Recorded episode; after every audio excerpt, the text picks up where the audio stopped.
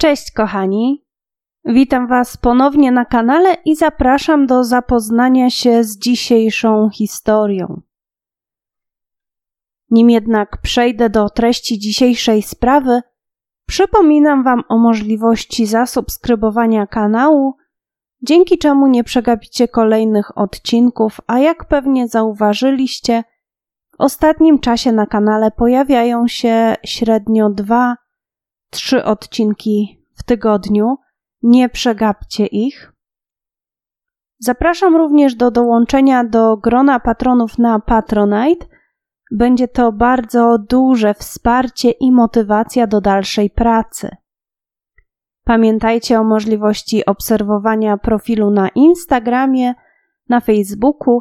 Mamy również dwie grupy na Facebooku i wszystkie linki znajdziecie pod filmem. Dziś już ostatni dzień pięciodniowego maratonu kryminalnego z okazji 30 tysięcy subskrypcji. Mam nadzieję, że dzisiejsza sprawa szczególnie Was zainteresuje. Zapraszam. Bohaterem dzisiejszego odcinka jest człowiek niezwykły.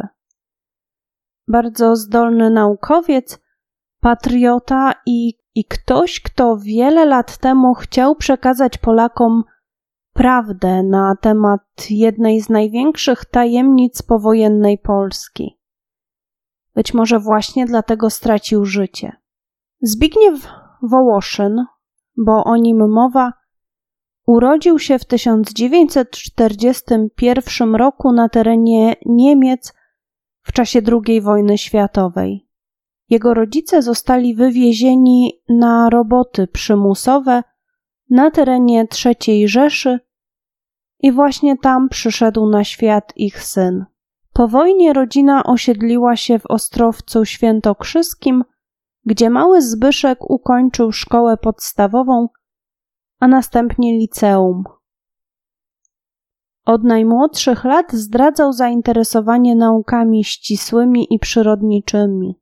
Był niezwykle ciekawy świata, spostrzegawczy i miał ściśle sprecyzowane plany na przyszłość.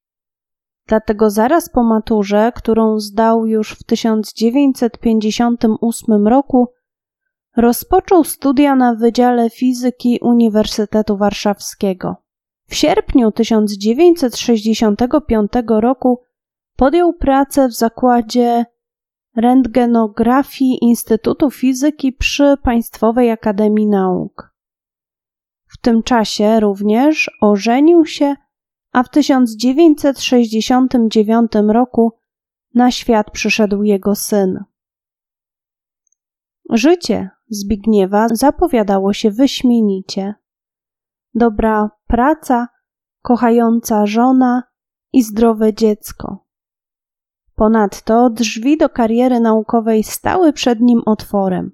W 1972 roku Zbigniew Wołoszyn podjął pracę w Instytucji Badań Jądrowych w Świerku koło Otwocka, gdzie przez kilka lat zajmował się badaniami nad gorącą plazmą. Jednak już po dwóch latach otrzymał propozycję pracy w Polskim Komitecie Normalizacji Miar i Jakości był bardzo dobrym pracownikiem, sumiennie wykonującym swoje obowiązki. Przełożeni doceniali jego zaangażowanie w pracę, jednak po kilku latach Wołoszyn został zwolniony z zajmowanych stanowisk i to dyscyplinarnie. Powodem zwolnienia było jego duże zaangażowanie w działalność powstającej w 1980 roku Solidarności. Naukowiec nie pozostał jednak długo bez zatrudnienia. Przyjęto go do pracy w Centralnym Laboratorium Ochrony Radiologicznej. Stanowisko było co prawda niższe niż te poprzednio zajmowane, jednak mężczyzna zdecydował się podjąć pracę, mając na utrzymaniu rodziny. Przez kolejnych kilka lat Zbigniew Wołoszyn pracował jako inżynier we wspomnianej instytucji. W tym czasie próbował uzyskać tytuł doktora, Jednak prawdopodobnie przez wzgląd na jego przeszłość i zwolnienia dyscyplinarne, droga do uzyskania tytułu naukowego była niezwykle wyboista. W poniedziałek 28 kwietnia 1986 roku pracownicy Centralnego Laboratorium Ochrony Radiologicznej znajdującego się przy ulicy Konwaliowej 7 w Warszawie pojawili się w pracy o godzinie 8.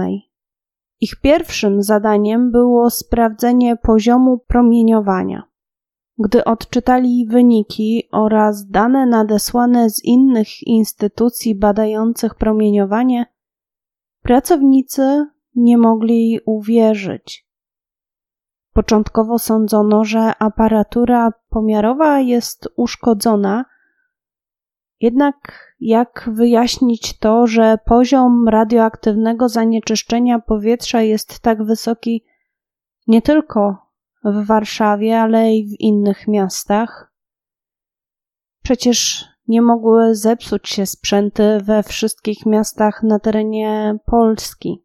Jeszcze tego samego dnia naukowcy dowiedzieli się, skąd taki wynik pomiarów. Otóż dwa dni wcześniej, w sobotę 26 kwietnia 1986 roku, doszło do wybuchu reaktora atomowego w elektrowni jądrowej w Czarnobylu na terenie ZSRR, obecnie Ukrainy. Błyskawicznie w ciągu zaledwie trzech dni wysiedlono z tego terenu wszystkich mieszkańców Czarnobyla oraz sąsiadującej Prpeci. Jednak władze zdecydowały się początkowo nie informować innych państw o potężnej katastrofie. Weekend 26 i 27 kwietnia 1986 roku był niezwykle ciepły i słoneczny.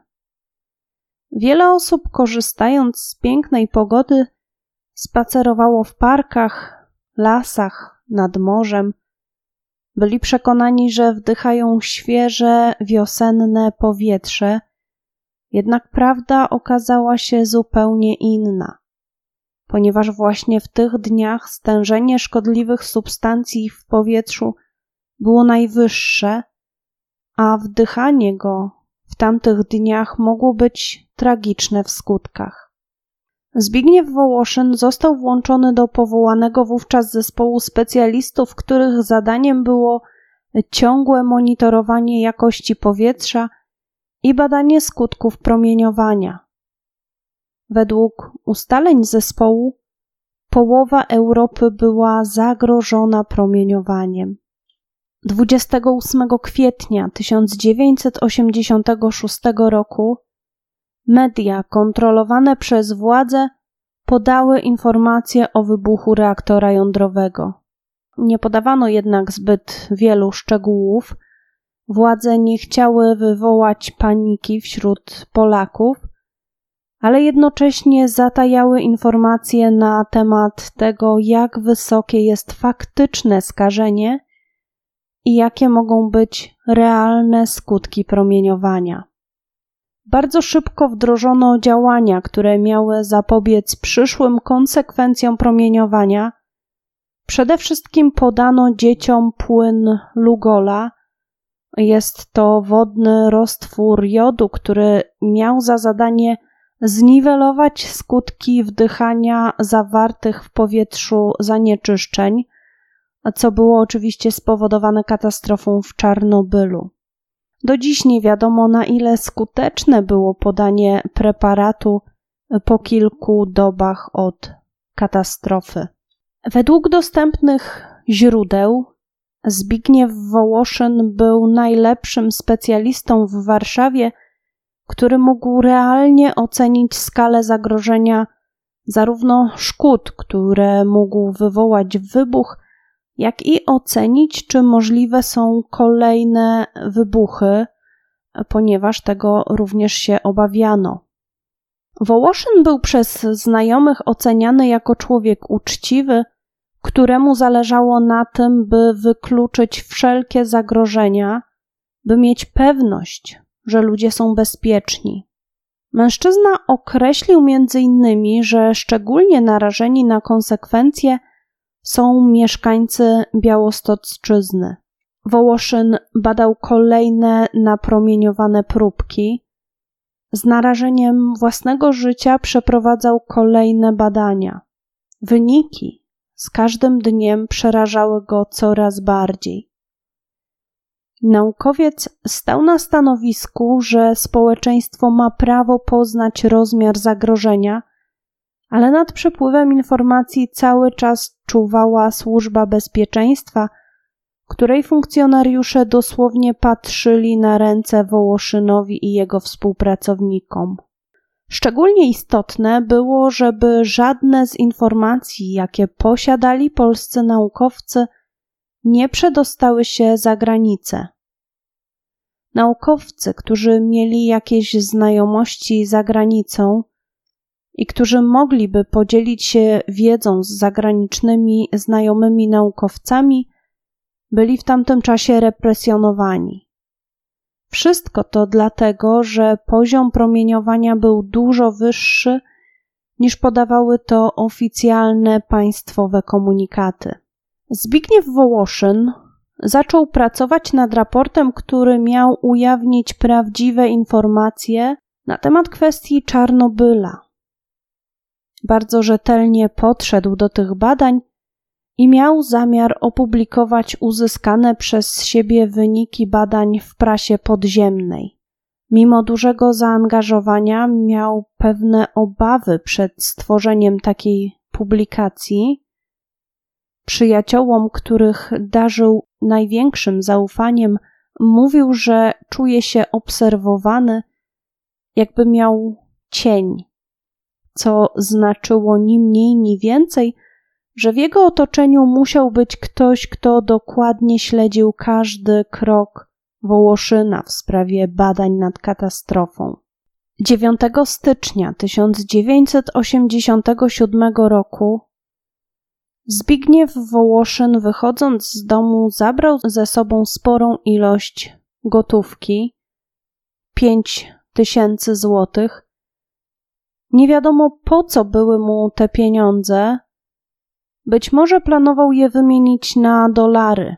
Za kilka tygodni miał lecieć na konferencję naukową do Indii i być może w czasie tego naukowego spotkania planował również upublicznić informacje, wyniki badań, które udało mu się ustalić przez ostatnich kilka miesięcy, a które dotyczyły faktycznych skutków wybuchu reaktora jądrowego w Czarnobylu. Tego dnia, przypomnę, 9 stycznia 1987 roku Zbigniew Wołoszyn jak co dzień wsiadł do autobusu zakładowego, którym dojechał do budynku pracowni znajdującego się przy ulicy Konwaliowej 7 w Warszawie. Na kilka minut przed godziną ósmą podpisał listę obecności Następnie poszedł do swojego biura. Istnieją rozbieżne informacje na temat tego, co wydarzyło się potem. Według wypowiedzi jednego z kolegów, ktoś zadzwonił do Wołoszyna kilka minut po godzinie ósmej. Wówczas mężczyzna wyszedł z pracy, mówiąc, że idzie się z kimś spotkać, ale nie określił dokąd się wybiera ani z kim zamierza się spotkać. Inni świadkowie twierdzą natomiast, że Wołoszyn po prostu wyszedł bez słowa. Nie pamiętają też, by ktokolwiek do naukowca tamtego dnia dzwonił. W każdym razie Zbigniew Wołoszyn opuścił swoje miejsce pracy po godzinie 8 rano 9 stycznia 1987 roku. Tego dnia nie wrócił już do pracy, ale nikt się tym za bardzo nie przejął. Być może zdarzały mu się wcześniej takie wyjścia w godzinach pracy.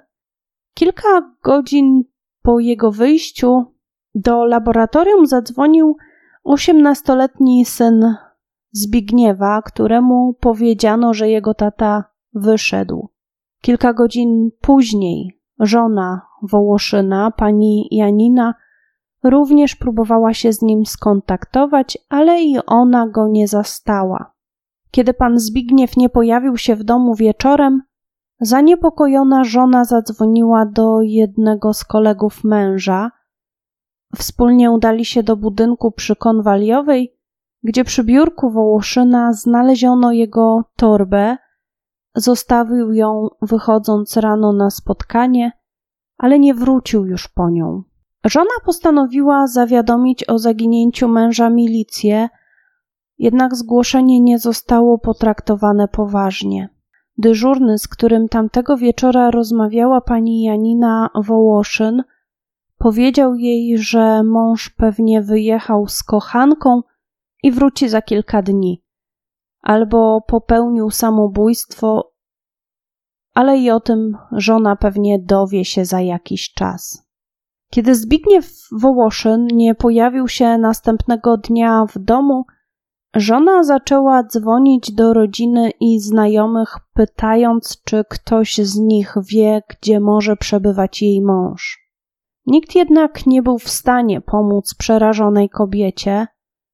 Dopiero pewna znajoma pielęgniarka zaproponowała pani Janinie, by wspólnie udały się do zakładu medycyny sądowej Akademii Medycznej przy ulicy Oczki w Warszawie. Nie bez problemów udało się kobietom wejść do środka. Okazało się, że znajduje się tam ciało niezidentyfikowanego mężczyzny. Żona od razu rozpoznała, że jest to jej 46-letni mąż Zbigniew Wołoszyn, który wyszedł z pracy przed kilkoma dniami i ślad po nim zaginął. Pracownik prosektorium, który wpuścił kobiety do środka, miał później nie lada problemy. Pani Wołoszyn poinformowała milicję, że sama znalazła męża. Powiedziała, że mężczyzna nie żyje, a jego ciało znajduje się w zakładzie medycyny sądowej. Według jej słów, doszło do awantury, w czasie której milicjant krzyczał na nią, że niepotrzebnie się wtrąca. Pytał ją, jakim prawem weszła do zakładu medycyny sądowej i kto pozwolił jej tam wejść. Wychodząc z domu 9 stycznia, Zbigniew Wołoszyn miał przy sobie dokumenty. Przy jego ciele nie znaleziono jednak niczego, co mogłoby pomóc w identyfikacji mężczyzny. Pani Janina Wołoszyn zapytała o przyczynę śmierci męża. Chciała dowiedzieć się, co się stało, i wówczas powiedziano jej, że jej mąż popełnił samobójstwo, wyskakując przez okno z dwunastego piętra hotelu robotniczego znajdującego się wówczas przy ulicy Kowalczyka 5. Obecnie budynek ten nie istnieje. Według ustaleń milicji Zbigniew Wołoszyn wyszedł z pracy po godzinie 8 rano. Następnie przeszedł około 500 metrów do budynku hotelu robotniczego. Po raz ostatni widziano go przekraczającego jezdnię na ulicy Modlińskiej. Następnie mężczyzna dotarł do hotelu robotniczego i wjechał windą na dwunaste piętro, otworzył okno i wyskoczył, następnie spadł na ziemię. Przyczyną śmierci miały być urazy odniesione w wyniku upadku. Według sekcji zwłok, która została przeprowadzona po śmierci mężczyzny, Przyczyną jego śmierci był uraz wielonarządowy ze zmiażdżeniem głowy, klatki piersiowej i narządów jamy brzusznej. Do wyżej wymienionych obrażeń mogło dojść w następstwie upadku z dużej wysokości i uderzenia o twarde podłoże. Na ciele Denata nie stwierdzono śladów walki lub obrony. Bliscy Zbigniewa Wołoszyna dotarli natomiast do oficjalnych informacji, według których na ciele mężczyzny znajdowały się ślady walki, a pod paznokciami znajdował się obcy naskórek. Tego wątku nigdy jednak nie zbadano. Po upadku ciało mężczyzny leżało na trawniku w pozycji na prawym boku w odległości 2,5 metra od budynku, na wysokości wejścia do klatki schodowej. Jego nogi były ułożone jedna na drugiej, były wyprostowane. W chwili śmierci Zbigniew Wołoszyn miał na sobie ortalionową kurtkę z zielonym kapturem i pomarańczową podszewką oraz brązową podpinką, brązowe spodnie oraz czarne buty. Pasek, który był w jego spodniach, po upadku pękł na kilka części. Okulary Zbigniewa Wołoszyna były połamane. Mężczyzna miał również założony zegarek na lewym nadgarstku. Jego rękawiczki oraz czapkę znaleziono na wycieraczce przed drzwiami jednego z mieszkań na dwunastym piętrze.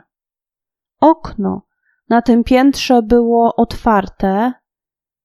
Co ciekawe, obok okna znajdowały się również drzwi balkonowe, te zaś były zamknięte. Nikt z lokatorów niczego nie słyszał ani nie widział, albo po prostu bali się mówić, jeśli byli świadkami jakiegoś tragicznego wydarzenia. Jedna z mieszkanek hotelu, zajmująca mieszkanie na dwunastym piętrze, przypomina sobie tylko, że około godziny 8.40 usłyszała dzwonek do drzwi. Kiedy otworzyła drzwi, nikogo nie było na klatce schodowej, Zauważyła natomiast, że okno na korytarzu jest szeroko otwarte, zupełnie tak, jakby ktoś chciałby to zobaczyła. Poprosiła wówczas sąsiada, by zamknął to okno. Gdy mężczyzna wychylił się, zobaczył leżące na trawie ciało mężczyzny. Powoli schodzili się wokół niego gapie.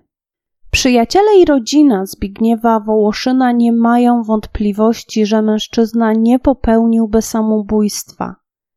Był wierzącym katolikiem, który nie odebrałby sobie życia. Miał udane życie rodzinne, zawodowo również nie mógł specjalnie narzekać. Za kilka tygodni miał wyjechać na konferencję do Indii i bardzo cieszył się ze zbliżającej podróży. Znajomi uważają natomiast, że mężczyzna mógł zostać zamordowany, ponieważ prawdopodobnie znał jakieś niepokojące fakty, które mogłyby postawić w złym świetle ówczesne władze naszego państwa. Bliscy wspominali, że Wołoszyn posiadał dwa notatniki, w których zapisywał ważne informacje, jeden z nich został po pewnym czasie znaleziony u jego kolegi naukowca. Nie znaleziono w nim żadnych istotnych informacji, natomiast drugiego z notesów nigdy nie odnaleziono.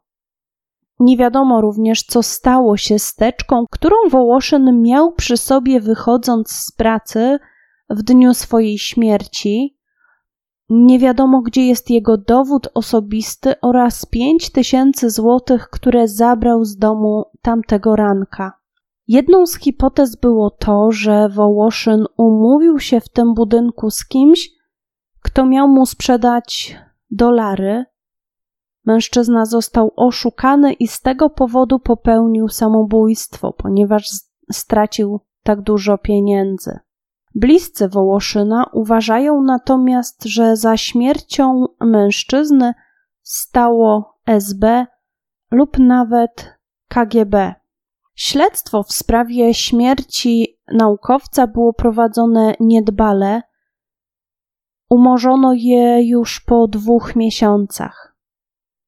Z powodu nacisków ze strony bliskich mężczyzny, wkrótce otwarto je ponownie ale i tym razem nie doprowadzono do żadnych ustaleń i sprawę znowu szybko zamknięto.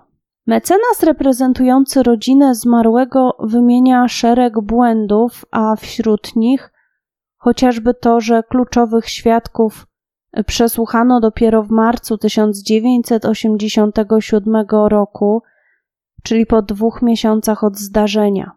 Na miejscu znalezienia ciała nie zrobiono dokumentacji fotograficznej ani szkiców sytuacyjnych.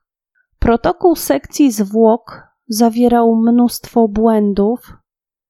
Przede wszystkim, mimo stwierdzenia, że na ciele Zbigniewa Wołoszyna znajdowały się obrażenia, które mogły powstać jeszcze przed upadkiem, to wniosek końcowy zawierał sformułowanie, że do śmierci nie przyczyniły się osoby trzecie. Mecenas Andrzejewski, który reprezentował panią Janinę Wołoszyn, zauważył, że skoro w sekcji zwłok wskazano, że Wołoszyn mógł mieć krwawiącą ranę w momencie, kiedy wypadał z dwunastego piętra, powinno się sprawdzić klatkę schodową budynku na wszystkich piętrach, windę i upewnić się, czy nie było gdzieś y, śladów krwi świadczących o tym, że Wołoszyn został siłą zawleczony pod okno i wyrzucony przez nie. Nigdy nie sprawdzono innych pięter budynku. Uważa się, że sprawcy mogli ukryć się w jednym z mieszkań w hotelu robotniczym, ale nigdy nie sprawdzono tych mieszkań, nie przesłuchano wszystkich mieszkańców, dlatego w wielu kwestiach do dziś w tej sprawie opieramy się wyłącznie na przypuszczeniach. W latach 90. do sprawy wróciła warszawska prokuratura, ale i tym razem nie doszukano się znamion przestępstwa. Ponownie uznano, że Zbigniew Wołoszyn popełnił samobójstwo. Dziennikarz Wojciech Wiktorowski nie dawał za wygraną, robił wszystko, by do tej sprawy po latach ponownie powrócono. Sprawą śmierci Wołoszyna zajął się Instytut Pamięci Narodowej, ale i tym razem mm, to śledztwo również doprowadziło do wniosku, że mamy do czynienia z samobójstwem. Redaktor Wiktorowski dotarł do nieznanego wcześniej świadka, który na kilka minut przed znalezieniem ciała Wołoszyna widział jakąś postać na dachu hotelu pracowniczego. Był jednak zbyt daleko, by był w stanie zauważyć jakiekolwiek cechy wyglądu tej osoby. Nie wiadomo, czy mógł to być Wołoszyn, czy ktoś, ktoś inny. W tamtej chwili nie widział, by okno na dwunastym piętrze było otwarte. Nie wiadomo, być może człowiek na dachu to Wołoszyn lub osoba, z którą naukowiec na przykład umówił się na spotkanie tamtego dnia. Według ludzi związanych z opozycją istnieje pewne prawdopodobieństwo, że na dachu znajdował się Wołoszyn. Przypuszczalnie mężczyzna udał się na dach hotelu, by zamontować na nim nadajnik Radia Solidarność – ale czekał tam na niego ktoś e, ze służb bezpieczeństwa i Wołoszyn został zepchnięty z dachu lub wyrzucony przez okno piętro niżej, zanim wypełnił powierzone mu zadanie. Władze Solidarności nigdy jednak nie potwierdziły, by Wołoszyn miał za zadanie zamontowanie nadajnika, by miał nawet cokolwiek wspólnego e, z kwestią Radia Solidarność. Nie ma natomiast żadnych wątpliwości co do tego, że Zbigniew Wołoszyn był inwigilowany przez SB. W jego otoczeniu musiał być też ktoś, kto donosił na niego. E, do dziś nie stwierdzono jednak, kto mógł być tym donosicielem. Natomiast cała dokumentacja zebrana przez SB na temat Zbigniewa Wołoszyna została zniszczona już po jego śmierci. Rodzina i znajomi Zbigniewa Wołoszyna uważają, że mężczyzna został zamordowany, ponieważ prowadził na własną rękę badania dotyczące skażenia po wybuchu w Czarnobylu. Wyniki jego badań były sprzeczne z tymi oficjalnie podawanymi przez władze. Takie działania musiały być bardzo niebezpieczne i ściągnąć na niego gniew władz. Zbigniew Wołoszyn bał się konsekwencji swoich działań, ale odważnym nie jest ten, kto się nie boi, lecz ten, który znając zagrożenie, mimo wszystko podejmuje działanie. I właśnie taki był Zbigniew Wołoszyn.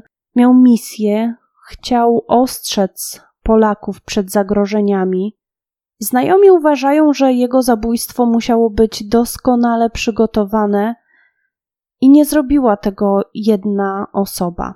Naukowiec był silnym, wysokim mężczyzną, mierzył ponad 1,80 m wzrostu, był wysportowany. Z pewnością się bronił, a mimo wszystko udało się napastnikom wyrzucić go przez okno. Mimo tego, że oficjalnie śmierć Zbigniewa Wołoszyna uznawana jest za samobójstwo, Wołoszyn znajduje się na setnym miejscu listy ofiar represji stworzonej przez Jana Rokitę. Również IPN wymienia jego nazwisko na liście ofiar stanu wojennego. Budynek, w którym śmierć poniósł Zbigniew Wołoszyn, został kilka lat temu wyburzony. Nawet gdyby w budynku tym przetrwały jakieś ślady krwi, dziś nie da się już niczego odzyskać. IPN nie wypowiada się jednoznacznie co do tego, czy śmierć Zbigniewa Wołoszyna była wynikiem zbrodni, czy też było to samobójstwo. Z przeprowadzonego dochodzenia wynika, że na kilka miesięcy przed śmiercią naukowiec był prześladowany w swoim miejscu pracy przez jednego z przełożonych. Miało to bardzo negatywnie wpłynąć na jego stan y, psychiczny, Mm, jeden z przełożonych miał odebrać Wołoszynowi możliwość pracy nad bardzo ważnym dla niego projektem badawczym. Wołoszyn przed śmiercią skarżył się na złą atmosferę w pracy, był przygnębiony konfliktem z przełożonym. Należy jednak pamiętać, że mimo tego konfliktu, to właśnie Wołoszyn miał reprezentować Polskę na bardzo ważnej konferencji naukowej w Indiach. Mężczyzna bardzo cieszył się na ten wyjazd i przygotowywał się do niego. Do dziś nie znamy jednoznacznej odpowiedzi na pytanie, czy śmierć Zbigniewa Wołoszyna była samobójstwem, nieszczęśliwym wypadkiem, czy też zaplanowanym morderstwem politycznym. Jest to jedna z tych śmierci, w przypadku których prawdopodobnie zawsze już pojawiać się będą wątpliwości i z pewnością nigdy nie poznamy prawdy o tym, co wydarzyło się 9 stycznia 1987 roku na 12 piętrze budynku hotelu robotniczego w Warszawie. Pozostaje nam pamiętać o tym wyjątkowym człowieku, jakim z całą pewnością był Zbigniew Wołoszyn. Ale jeśli ktoś z Was wie coś jeszcze na temat śmierci Zbigniewa Wołoszyna, może posiada wiedzę, która pomogłaby po tylu latach odpowiedzieć na pytanie o to, co wydarzyło się tamtego dnia, proszony jest o kontakt z policją i przekazanie pomocnych informacji. Możecie oczywiście napisać również do mnie na Instagramie, na Facebooku, czy też wysłać maila, każda, nawet najdrobniejsza informacja może się okazać przełomowa i pomóc w rozwiązaniu tej sprawy. I to już wszystko. Bardzo Wam dziękuję za wysłuchanie kolejnego odcinka. Dziękuję za to, że towarzyszyliście nam w trakcie tego pięciodniowego maratonu kryminalnego. A tymczasem już trzymajcie się ciepło i uważajcie na siebie. Cześć!